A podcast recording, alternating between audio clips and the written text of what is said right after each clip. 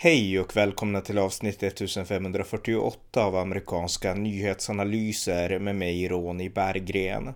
Här följer en uppdatering om det senaste i USA tillsammans med min svenska amerikanske kollega Björn Nordström från Arizona. Varmt välkomna! Björn Nordström, välkommen!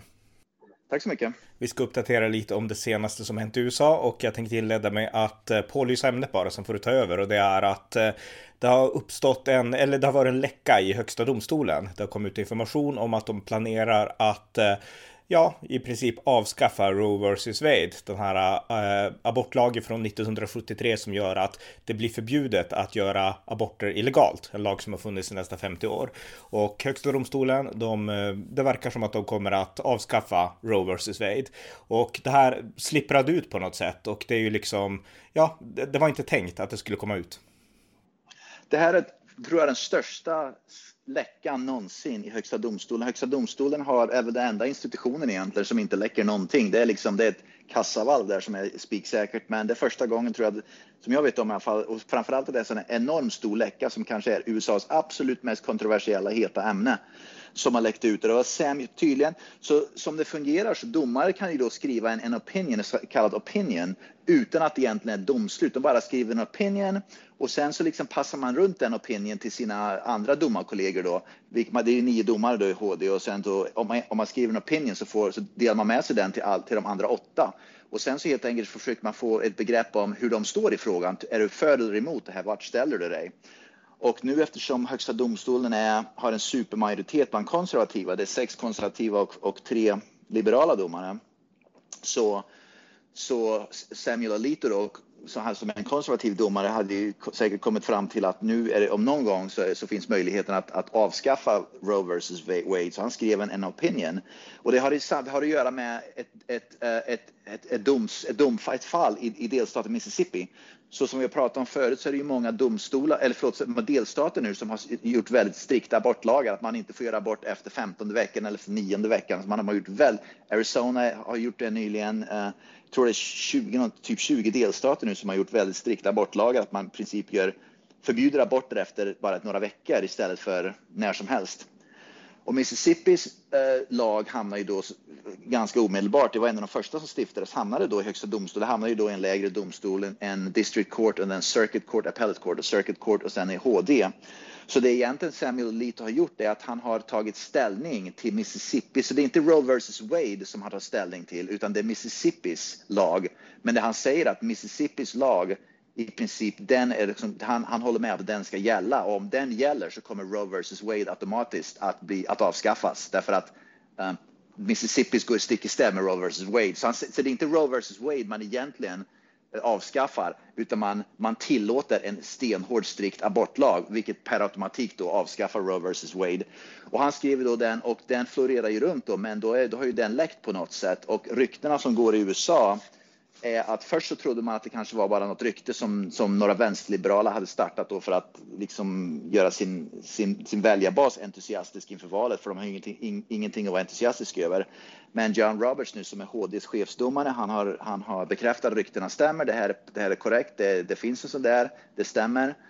Och spekulationerna är nu att en av de liberala domarna, då, en av de tre liberala domarna i HD uh, kanske är deras staffers. De har ju då en hel, en hel stab då som jobbar för dem. Att mm. någon i deras stab helt enkelt har läckt, uh, har läckt dokumentet nu för att få uppmärksamhet och för att då försöka få uh, vänsterliberala demokratiska väljare att, att liksom gå man, man ur huset ungefär för att nu ska vi gå och rösta i höst för att Demokraterna ska vinna. Mm.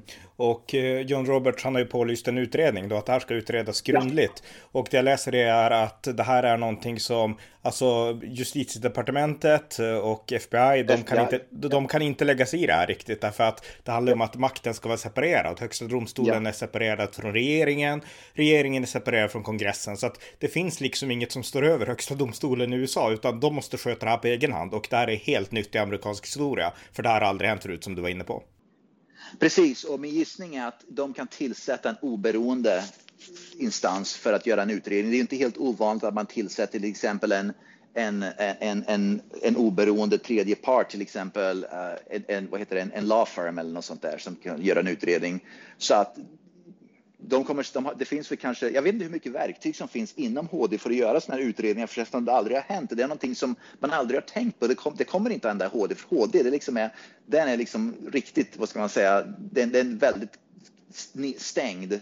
Liksom, vad ska man, det är inte som som kongressen eller presidenten och där det konstant läcker saker, utan HD den är stängd. Mm. Det, det läcker ingenting. Va?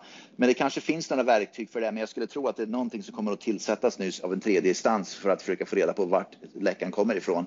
Frågan är också då liksom vad man gör med det. Liksom, om det är någon i en stabben som har läckt någonting, då, vad gör man med det? För det har ju inte heller hänt. Hur liksom kan det bestraffas? Vad är liksom, eller är det bara, nu får man börja liksom inse att okej, okay, nu kommer saker att börja läcka från HD med i framtiden. Är det liksom en del av den nya verkligheten för HD? Eller inte och finns det någonting de kan göra åt det? Därför att läck, det finns ju inte så mycket man kan göra åt läckor i, i, i Vita huset eller kongressen. Det är kanske HD nu som står närmast på kön. Mm. Och det är oerhört allvarligt för HD ska verkligen vara den här icke-politiska institutionen. Så Precis. att om det finns sådana här aktivister, det är mycket oroväckande. Precis. Men jag tänkte om syftet då var att eh, väcka entusiasm bland demokraterna, bland liberaler, när det här läckte då att man skulle då väcka motstånd mot de här konservativa domarna. Eh, det jag sett och läst det är ju att det är nu protester i stora delar av USA för Roe vs Wade, ja. alltså för aborter. Ja, uh, bland annat här i Phoenix så var det protester igår och det var tydligen två stycken som blev anhållna av polisen. Det var tydligen både de som var för Roe vs Wade och de som var mot Eh, Roe vs Wade som var ute på gator och torg. Så jag tror tyvärr, tyvärr så kommer våldet på gator att trappas upp i och med att det blir fler, fler demonstrationer och demonstrationer kommer att leda till mer våld tyvärr. Uh, jag vet att konservativa har jag också, jag såg att Ted Cruz, jag tror att Ted Cruz, äh, Marco Rubio kanske var som gjorde ett uttalande, senator då från Florida, eller om det var Ted Cruz, senator från Texas, minns inte, jag läser mycket om det där, men en av dem i alla fall sa att det här är alldeles utmärkt för konservativa väljare, för att nu verkligen har vi chansen att göra någonting av det här. Och det här är verkligen någonting som kommer att göra konservativa väljare entusiastiska så att nu har vi ytterligare anledning till att verkligen gå till valurnan och visa att vi stödjer konservatismen nu när till och med Roe vs Wade uh, kan, kan avskaffas till och med. Va? Så att, så att det, det, jag vet inte hur det kommer att leda, men det vi vet det kommer att leda till mer våld på gatorna. Det är jag övertygad om, tyvärr. Mm. Så att uh, kulturkriget har blivit fysiskt nästan kan man säga nu med det här? Ja, absolut. Jag menar som jag nämnde, det var ju, det var ju då två stycken, ba, bara två Eh, vid, eh, vid kongressen här, kongresshuset här i Phoenix, då, delstatskongresshuset här i Phoenix, eh, som blev anhållna igår. Det är inte de första som kommer att bli anhållna, inte de, förlåt, inte de sista som kommer att anhålla tror jag, utan det här och jag tror att det kommer att det kommer, att, det, det kommer tyvärr att leda till mer våld. Vi kommer att se det i hela USA nu och sen kommer man säkert att, att liksom trycka, in, trycka in det här i en slags Black Lives Matter med för att liksom Black Lives Matter-rörelsen ska komma ut och göra några protester och grejer. Så jag tror att man kommer att använda, vänsterliberaler kommer att använda det här som ett verktyg för att, vad ska man säga, göra till exempel Black Lives Matter-grupperna nu som skedde för ett par år sedan, det där, när de brände ner halva städer och sånt där, att det kommer förmodligen börja ske i sommar skulle jag tro. Sådana typer av saker. Man kommer att liksom baka ihop det här med de som kommer att få det svårast nu, det är svarta och ni som är svarta, det här kommer att öka rasismen hos svarta och allt det där, bla bla bla. Det är mm. det som kommer att ske tror jag. Och då kommer de få ut de här, de är AFA ungefär på gator och torg och bränna ner halva USA. Ja, och vi kan ju påminna om att det här är kanske den äldsta liksom, kulturkrigsfrågan som finns i USA. Det här har ju liksom liberaler och konservativa kämpat om i,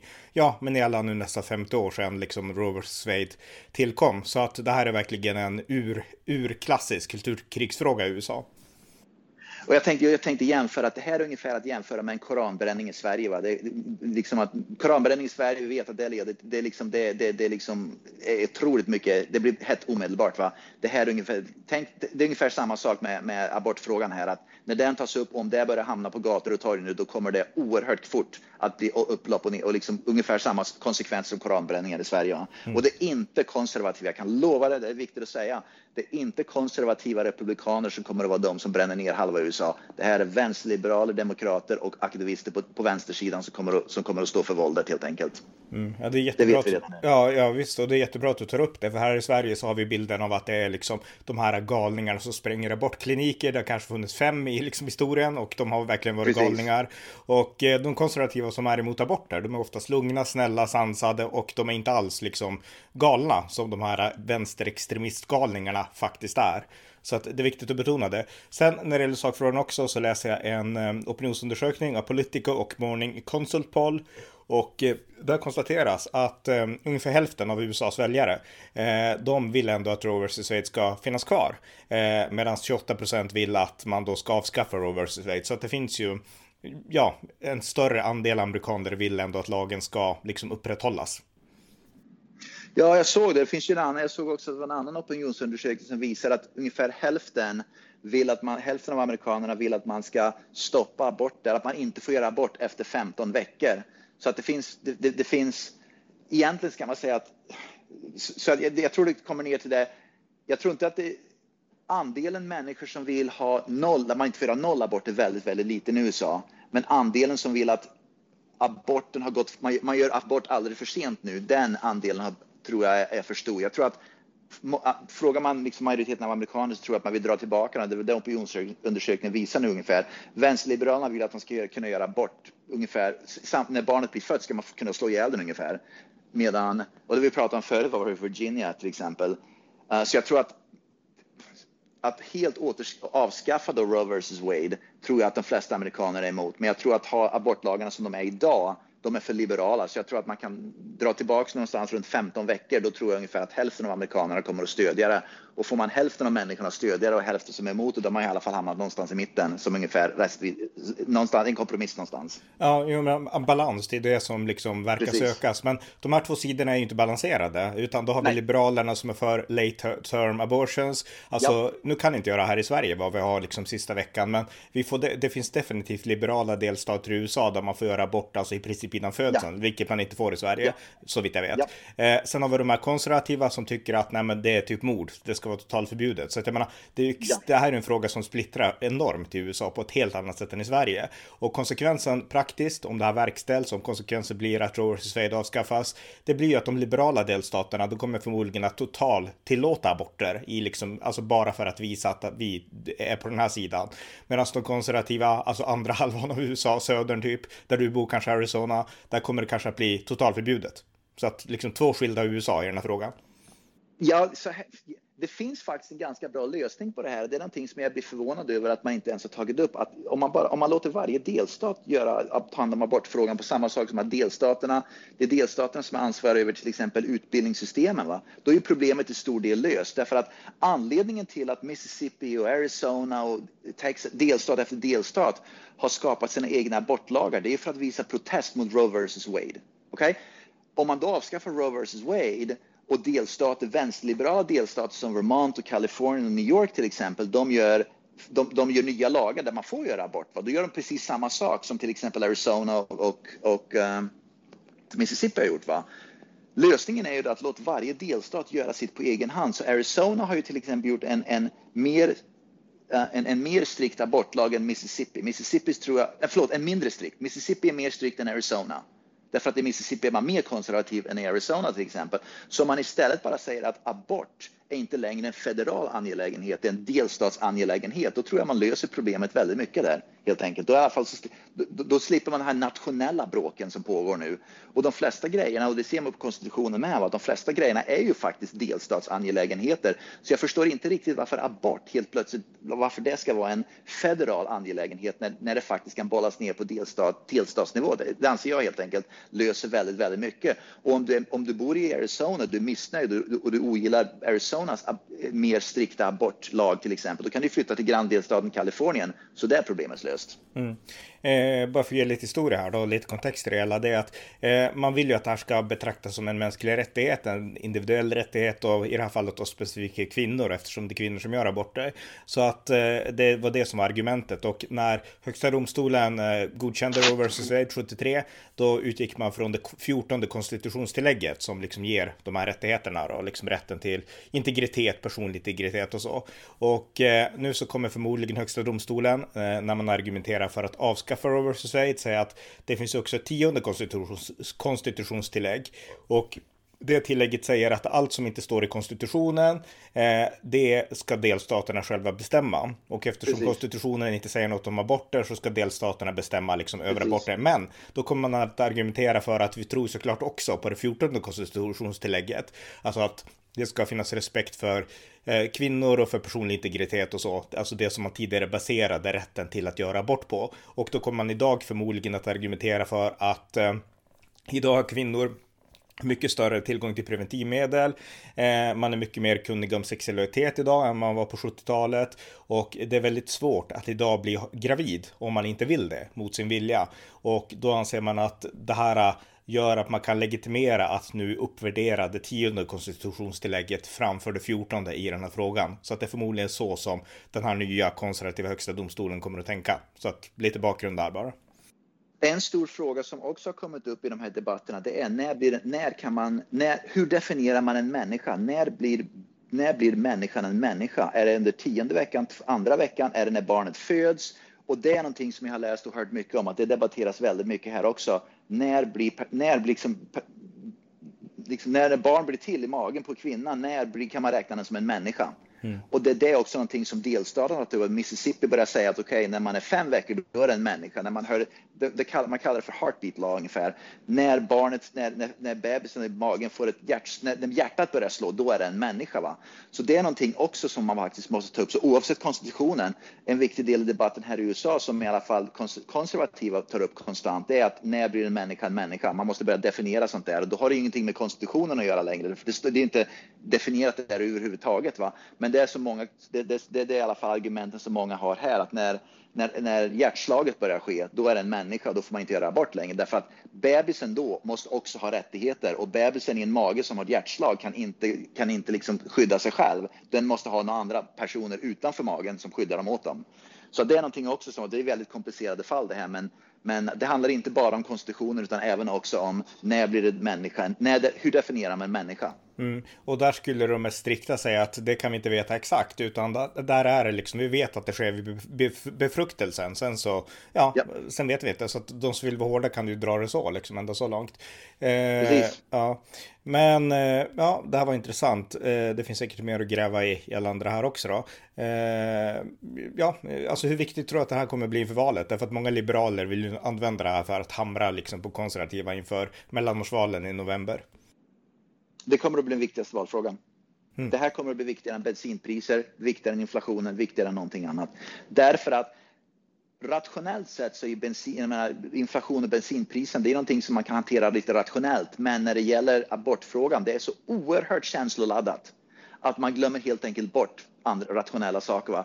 Så när, och det, det, är lite grann som koranbränningen, att för oss som är då mer sekulära kanske, för oss är liksom en koran det är bara en bok. Mm. Men för kanske många muslimer så är det mycket mer än en bok. Bränner du koranen, det är liksom bara känslor som svallar över. För att man kan inte hantera det rationellt helt enkelt. Va? Så fungerar liksom människor. Va? Och samma här, det kommer att bli den absolut största laddade frågan förmodligen i mannaminne här i USA herregud. Och jag, så, så, här tror jag det kommer, det, det, blir en game changer. Det betyder inte att Demokraterna eller Republikanerna kommer att gynnas av det, men att det kommer att bli en game changer. Du kommer att se betydligt fler som kommer att gå och rösta nu därför att de har känslosamma åsikter om abortfrågan och då vill de gå till valurnan för de vet att det här, min röst kan påverka abort, liksom, om det blir abort eller inte. Och det är från, det, det är från båda sidor då, antar jag? Ja, absolut. absolut. Mm. Så det, här, det här kommer att bli den största valfrågan. Det spelar ingen roll om, om USA hamnar i krig med Ryssland, i kärnvapenkrig med Ryssland. Jag tror ta mig tusan abortfrågan blir, en, blir viktigare än det i vilket fall. Det, liksom, mm. det finns ingenting i USA som kan trumfa abortfrågan, punkt slut. Nej, och det här det gör det ju intressant. Alltså vi kan fortsätta på det ämnet lite till. Jag menar Joe Biden han har varit ute och sagt att han är väldigt bekymrad över det här. Kamala Harris har varit ute och liksom pratat om att de vill liksom förbjuda kvinnor, de här konservativa, liksom från att bestämma över sin egen kropp. Och eh, det här är ju ändå, det som sker nu, det är ändå konsekvens av att Donald Trump tillsatte tre konservativa domare. Ja. Och ja. Eh, det var de som gav högsta domstolen en konservativ majoritet. Och utan den majoriteten så hade det här inte varit möjligt. Så att eh, det är liksom, det här är verkligen, det är ett kulturkrig, det är ett politiskt krig och eh, ja, du har förmodligen rätt i liksom det, det du säger, säger där. Eh, Val, Jag tänkte bara nämna att val har ju konsekvenser, så det var ju inte Donald Trump som tillsatte tre konservativa, det var ju faktiskt väljarna 2016, för Donald Trump när han var uppe för, när det var då presidentvalskampanj, så han pratade mycket om det, att om ni tillsätter mig så kommer jag att tillsätta konservativa domare, va, som är emot Roe versus Wade. Det visste ju alla om, så det var ju väljarna 2016 som valde fram en president.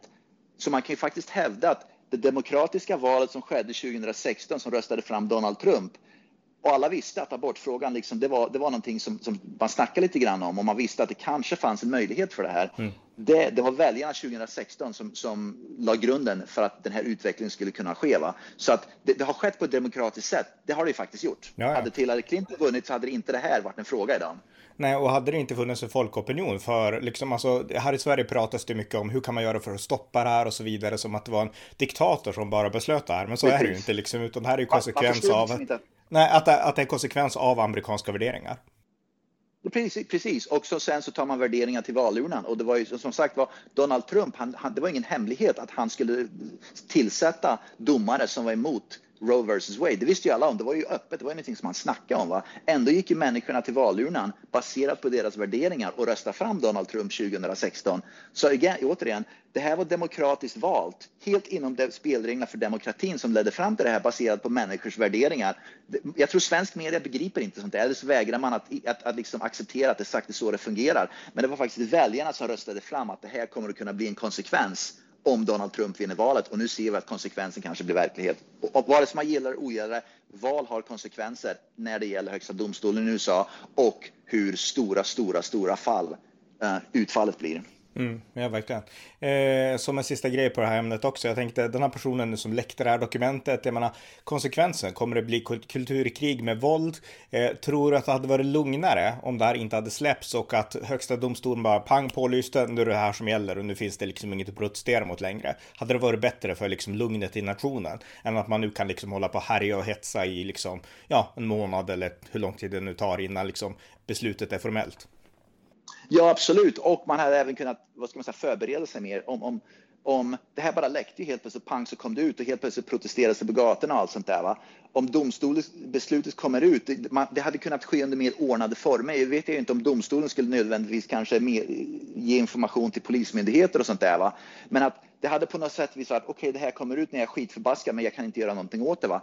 Anledningen till att människorna idag ute på gator och torg och protesterar, det är för att det, de tror att det fortfarande finns en möjlighet att kunna påverka det här, därför att det är inget, domstols, det är inget domstolsbeslut än som har, det, inget, det finns inget beslut än i skrift.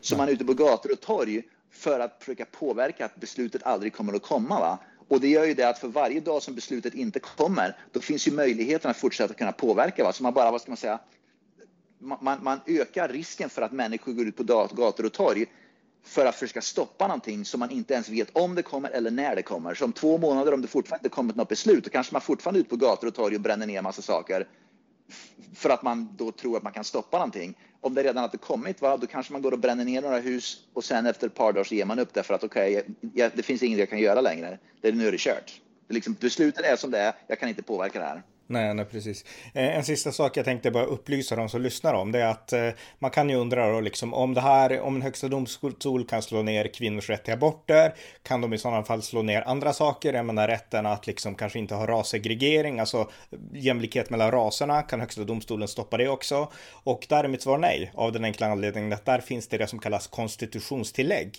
Eh, det var det trettonde konstitutionstillägget från 1860-talet som förbjöd slaveriet. Jag menar i grund och botten så fanns det inget förbud förbud i USAs konstitution mot slaveriet. Men då skapade man ett konstitutionstillägg som förbjöd slaveri. Så att därför kan en domstol eller en lagstiftare inte liksom, det går inte att eh, att eh, liksom införa slaveriet igen. Det är omöjligt för att ja, då måste man avskaffa konstitutionstillägget. Men när det gäller aborter så finns det inget konstitutionstillägg. Eh, vill man bli liksom få en liksom förevigad fast liksom syn på aborter i USA, då måste man skapa ett konstitutionstillägg och för det så krävs det en majoritet av delstaten och det krävs i princip total nationell konsensus, alltså det som USA absolut inte har i abortfrågan. Så att det är liksom, det är en skillnad i förhållande till till exempel ras och slaveri och så. Kan vara viktigt att, att veta det. Det var jättebra att du nämnde det, för det stämmer helt och hållet. Ja. ja. Okej, okay, men då har vi avhandlat en fråga som det skrivs mest om. Har vi något mer att, att berätta om idag? Ja, jag tänkte bara nämna en sak till här. Det är att eh, om du minns för en månad sedan, dryg, eller några veckor sedan, när Will Smith gick upp på scenen på Oscarsgalan och klippte till uh, Chris, Chris Rock. Rock. Precis, och då snackades det mycket om, jag vet att många många ståuppkomiker, Chris Rock är en komiker då, som, drev lite, som drev med, uh, med Will Smiths fru. Många ståuppkomiker, och jag minns inte vem det var, men det var ett par stycken som sa att det här kan leda till att ståuppkomiker nu som gör ståuppkomikershower då, kommer att bli utsatta för våld därför att nu blir det okej okay att gå upp på scenen och klippa till någon om man, om man blir förolämpad för ett skämt. Va? Mycket riktigt har det hänt nu. Dave Chappelle som är en av USAs absolut mest kända, en svart kille, rolig, eh, vad ska man säga, han kränker, de, han kränker allt och alla. Rolig, han, rolig. han är då en av USAs mest kända ståuppkomiker. Han gjorde en show för ett par kvällar sedan. Uh, en person gick upp på scenen med ett vapen och försökte slå ner honom. Försökte, jag vet inte om skulle, han, de försökte mörda honom, men han blev attackerad av en, av en, uh, av en person då som satt, på, som, satt som uh, audience. Hmm. Så nu har det här, det man har varnat för och oroat sig över, har nu hänt. Tyvärr. Ring, ringen på vattnet. Precis, och det är inget, jag säger inte att det är Will Smiths beteende som har lett till det här, men det var någonting som omedelbart komiker började prata om att det här kan nu leda till konsekvenser för oss som är komiker, att vi blir attackerade och mycket riktigt har det skett. Och jag är, inte, jag, är inte, jag är inte övertygad om att det inte finns någon slags koppling, att den här personen såg att okay, nu, nu kan man liksom göra sånt här. Va? Så tyvärr så kommer nu ståuppkomiker i USA att behöva skydda sig mer. Så det här kommer att leda till uh, mer skyddsåtgärder, att man kanske ställer sig i en slags bur någonstans. Jag vet inte hur det ska ske, men på något sätt att, man inte, att publiken kommer att avskärmas på ett helt annat sätt. Va? Vilket gör att publik kommer att helt enkelt bli mer distanserad och isolerad från, från vad ska man säga, personer på scen, tyvärr. Ja. Eh, en sista sak som jag tänkte fråga om. Vi har pratat mycket om eh, Elon Musk och så här. Och eh, han har köpt Twitter och det senaste jag läste, jag ska googla på det nu, eh, det är att Socialdemokraterna i Sverige, de har lämnat Twitter och jag tycker att det var, eh, det var alltså, ja eh, precis, jag googlar på det nu för, för, att jag ska vara säker, men nu hittar jag en rubrik här i SvD. Socialdemokraterna lämnar Twitter och jag har inte följt det här noggrant, men jag tänkte vi brukar prata om Elon Musk så ofta, så att jag misstänker att det här, Eh, ja de menar att man kan synas på andra håll, bland annat Facebook skriver de, och, och sådär, och att de menar att det är dåligt tonläge och sådär. Men jag menar, jag, jag slås av tanken att, jag menar, vi har pratat om Elon Musk, han är anti-woke, det var en av orsakerna till att han köpte Twitter. Och det här kan ju vara Socialdemokraternas underförstådda liksom peak mot liksom att USA går i en mer konservativ riktning. Vad vet jag, jag vet inte det, det är bara min spekulering, men det är ändå intressant. Han köper Twitter och sossarna lämnar. Så sossar, för jag såg att Veronica Palm har lämnat. Jag, jag, jag reflekterar inte över att det, att det, att det är sossarna, utan jag tänkte bara att det var Veronica Palm. Ja, jag tror att det är deras Men, Socialdemokraternas officiella konto. Okay. Tror jag att det är. Okej, okay, det här är ju mycket intressant därför att Elon Musk, allt han vill, det är att han vill, han vill att yttrandefriheten ska bejakas, den ska skyddas, den ska inte inskränkas som Twitter har gjort, utan han vill istället öppna upp den. Så det Socialdemokraterna i så fall säger, det är att vi vill inte att yttrandefriheten ska öppnas upp. Vi vill istället ha de här grindväktarna Eh, som helt enkelt eh, filtrerar vad folk tänker och tycker på Twitter. Och det, det, det är ju någonting, det säger ju väldigt mycket om, om Socialdemokraterna, men vi vet ju redan det sedan förut. Va? Men, men i alla fall att det liksom bekräftar att sossarna vill inte ha yttrandefrihet. Tvärtom, de tycker det är bra när saker och ting blir inskränkta, när det gynnar dem naturligtvis. Ja, ja men exakt. Nu hittar jag, de skriver så här att eh, partiet, så här står det på Omni, partiet har funnits på mikrobloggen sedan 2007. Eh, på måndagen så meddelade partiet att deras officiella konto inte längre kommer att vara aktivt och då motiverar de. I just den här kanalen så är det samtalsklimatet som vi inte tycker är produktiv, säger Johannes Svensson, presstalesperson för S till Expressen. Ja. Så vänta nu, sossarna, socialdemokrater, Veronica Palm är ju en, Morgan Johansson är ju en, Annika Strandhäll är ju en det är några av de absolut värsta personerna på hela Twitter som, är, är som förgiftar samhällsdebattklimatet på Twitter. Så det, det de, de har ju varit med, sossarna har ju varit med och skapat ett fruktansvärt vidrigt debattklimat på Twitter. Och nu klagar de på samma debattklimat som de själva har skapat. Ja. Och jag tycker att det är intressant att de här gnällde väldigt mycket på hur Trump betedde på, sitt, på Twitter. Men de här själva, de är ju liksom, de hackar på personer, de beter sig liksom oh, vidrigt. Så jag menar, det är otroligt hycklande det här. Eh, jag visste det. Ja, och då finns de kvar på Facebook och Instagram och YouTube, men inte på Twitter som ägs av Elon Musk. Ja, ja. ja. Okej, okay. Förhopp förhoppningsvis, som jag blir inte förvånad över om, om, om det kommer att påverka opinioner om de är. De, de kommer säkert att komma tillbaka, för de kommer inse att de förlorar en stor kanal för att sprida sin propaganda. Mm. Ja, men det var det jag hade. Har du något mer eller är vi klara? Nej, jag tror vi kan köra där. Okej, okay. ja, tack. Ja, tack. Ja, det var mitt samtal med Björn Nordström och vi pratade då i synnerhet om Roe vs Wade och aborter i USA. Och tidigare idag så skrev jag en text på Facebook som handlar om det här, om aborträtten i USA, men också med en parallell till Sverige. Därför att jag tycker att i den svenska rapporteringen om det här så missar man en faktor som är viktig, religionsfaktorn, och man missar också den parallell som kan göras på ett litet annorlunda sätt, men likväl en parallell som kan göras i Sverige med poänger som kanske är ännu viktigare här hos oss i Sverige. Så att jag tänkte avsluta den här podden med att läsa den texten. Aborträtten i USA, islamiseringen i Sverige. Här i Sverige diskuteras just nu för fullt det PM som läckt från USAs högsta domstol som tyder på att aborträtten i USA kan komma att bli strikt begränsad när Roe v. Wade möjligtvis hävs. Det domslut från 1973 som garanterar rätten till fri abort i hela USA och förbjuder delstater från att förbjuda abort. USA bygger och bollar sin lagstiftning på sin konstitution. En konstitution som inte säger ett enda ord om aborter. HD-domen från 1973 baseras därför på det 14 konstitutionstillägget som garanterar individens rätt till integritet. Det innebär att delstaterna körs över till förmån för individens, i detta fall kvinnans val. Men det finns också ett annat konstitutionstillägg, det tionde tillägget, som tydligt säger att de föreskrifter som inte finns direkt utstakade i konstitutionen tillfaller delstaterna själva att fatta beslut om. Eftersom aborter inte nämns i konstitutionen så innebär det att det är upp till delstaterna att själva avgöra sin egen abortpolitik. 1973 ansåg Högsta domstolen att det fjortonde tillägget måste stå över det tionde i förhållande till sakfrågan.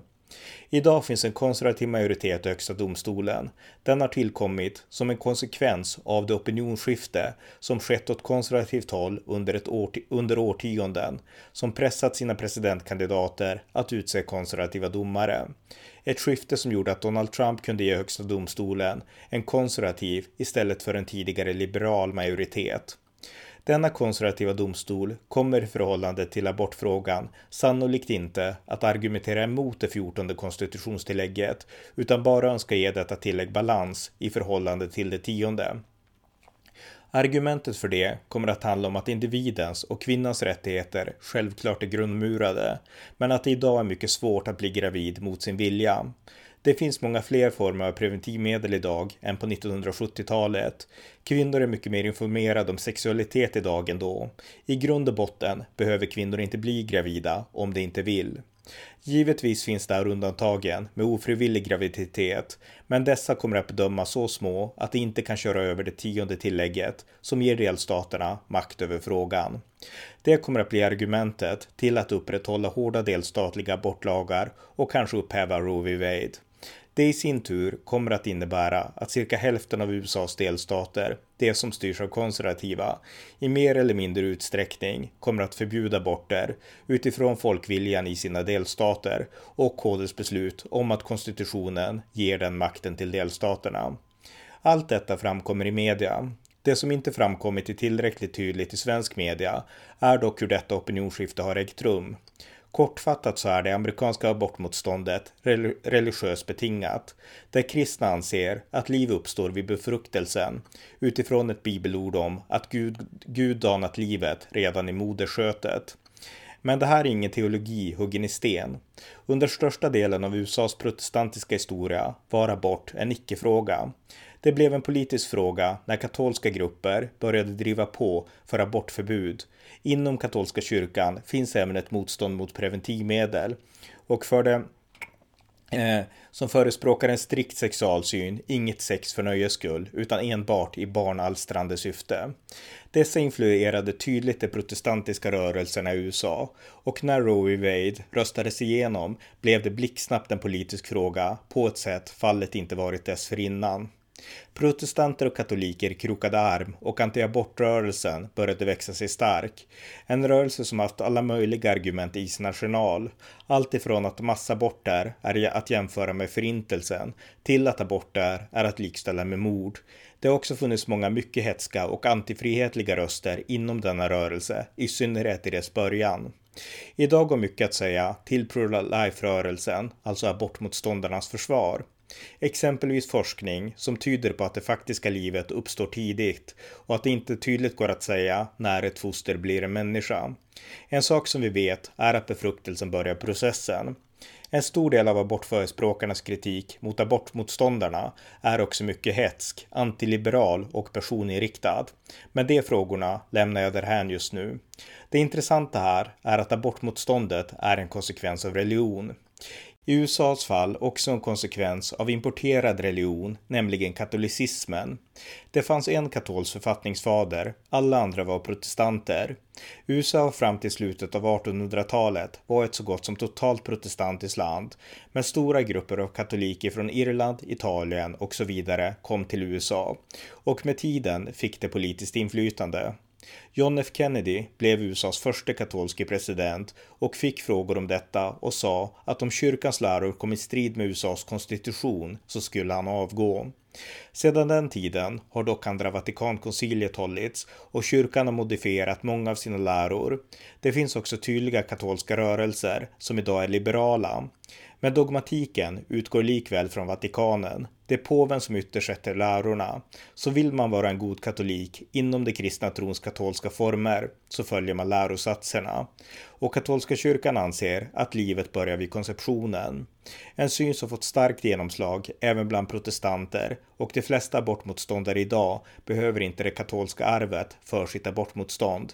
Men rörelsens genomslag i USA härrör från katolicismen och hade inte lyckats den förutan.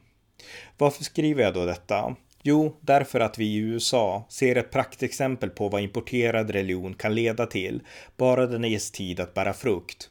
I Sverige brottas vi inte nämnvärt med abortfrågan. Vi har ingen katolsk massinvandring. Däremot har vi haft en muslimsk massinvandring och ingenting alls tyder på att islam inte kommer att påverka det svenska samhället. Som USA visar så behövs det bara något årtionde av aktivt arbete för att reella förändringar ska kunna ske och cementeras också politiskt och juridiskt. Det, det, går såklart att vara kritisk till katolska kyrkans abortsyn, men, men på det stora hela är katolska kyrkan fullt förenlig med liberal demokrati, jämlikhet och västerländska värderingar. Katolska kyrkan är trots allt roten till många av våra grundläggande västerländska värderingar. Och den katolska kyrkan i USA är oerhört amerikaniserad och patriotisk. De tror på katolicismen och på USAs djupt protestantiskt påverkade konstitution. Den tidigare påven, Benedikt XVI, var en varm USA-vän. Katolicismen för således inga nämnvärda problem till USA. Även i abortfrågan finns en tanke på medkännande, aldrig på skuldbeläggning eller fördömande av gravida kvinnor. Islam däremot medför helt andra värderingar, där kontrasten till det västerländska, liberala, sekulära och demokratiska är mycket större. Jag behöver inte i detta sammanhang utveckla hur eller på vilket sätt, men jag önskar att svensk media skulle börja dra lite fler slutsatser i förhållande till den aspekten som rör oss mycket mer än katolicismens frukter i USA. Här i Sverige kommer det inte att handla om abort utan om andra religiöst betingade frågor. Kvinnors frihet, flickors frihet, sexuell frihet, individuell frihet, yttrandefrihet. Och om vi inte agerar idag så kommer också vi i Sverige att få skörda religionens frukter inom något årtionde. För det är så våra politiska system fungerar. Demokratin följer demografin. Det anser jag vara den primära lärdomen från USA. Ni har lyssnat till det senaste avsnittet från amerikanska nyhetsanalyser. USA präglas av ett kulturkrig. Här i Europa pågår dock ett militärt krig i Ukraina. Jag vill uppmana er som lyssnar att skänka en slant till valfri organisation som bistår det ukrainska folket i dessa tider, där allt tyder på att Vladimir Putin kommer att trappa upp sitt krig. Sverige tycks också närma sig NATO, vilket är mycket välkommet, Genom att de ukrainska försvarsstyrkorna binder upp Ryssland blir en svensk övergång till NATO också tryggare. Så stöd Ukraina. Det var allt för idag. Tack för att ni har lyssnat. Thank you